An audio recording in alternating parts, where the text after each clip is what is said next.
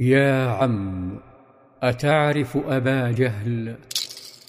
تعجب عبد الرحمن بن عوف من بحث الفتى الصغير عن أبي جهل فأجابه نعم وما حاجتك إليه؟ فهمس الشاب بكلمات كالموت وقال أخبرت أنه يسب رسول الله. وعاهدت الله إن رأيته أن أقتله أو أموت دونه. والذي نفسي بيده لا يفارق سوادي سواده حتى يموت الأعجل منا. تعجب ابن عوف لهذا الحب والفداء والغيرة التي يحملها فتى صغير لنبيه. لكن غمزة أخرى من الفتى الآخر زادت تعجبه عندما همس أيضا بالسؤال نفسه.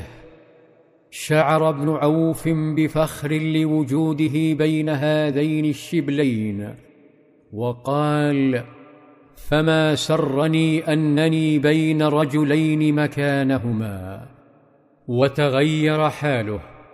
فصار يبحث لهما عن شاتم الرسول ويتراءاه حتى رصده. ولما رصده أفسح لهما طرقات البطولة وأشار بيده نحو أبي جهل وقال هذا صاحبكما الذي سألتماني. ركز الفتيان على الطاغوت وسلى سيفيهما. بانتظار لحظة إغمادهما في ذلك الثعبان الأسود الذي ما زال يستفز عتبة ويفرغ سمه فيه املا في توظيفه باتجاه الحرب. صرخ عتبة بوجه أبي جهل متحديا ومتاسفا على قومه وقال ستعلم من الجبان المفسد لقومه. أما والله إني لأرى قوما يضربونكم ضربا. أما ترون كأن رؤوسهم الأفاعي وكأن وجوههم السيوف. ثم صرخ عتبة طالبا خوذة لرأسه تسمى البيضة. فلم يجدوا ما يناسب رأسه الكبير فلف عليه ثوبا. ثم صاح بأخيه وابنه يا شيبة بن ربيعة ويا وليد بن عتبة فأقبلا يمشيان عن يمينه وشماله فخرج بهما نحو جيش المسلمين وصرخ من يبارز؟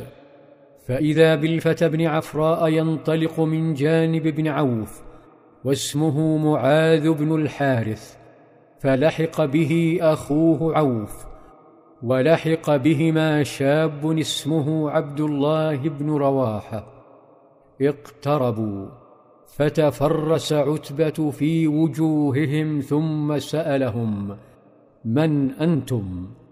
قالوا رهط من الأنصار. فقال ما لنا بكم حاجة.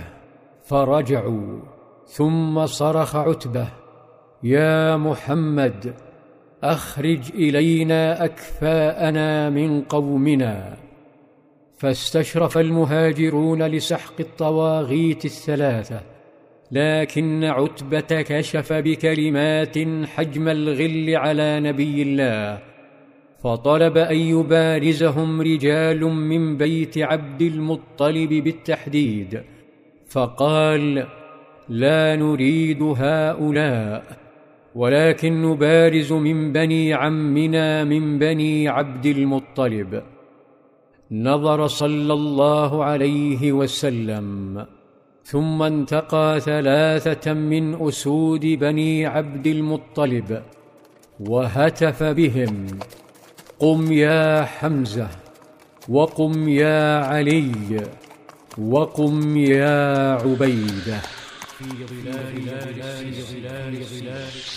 في ظلال في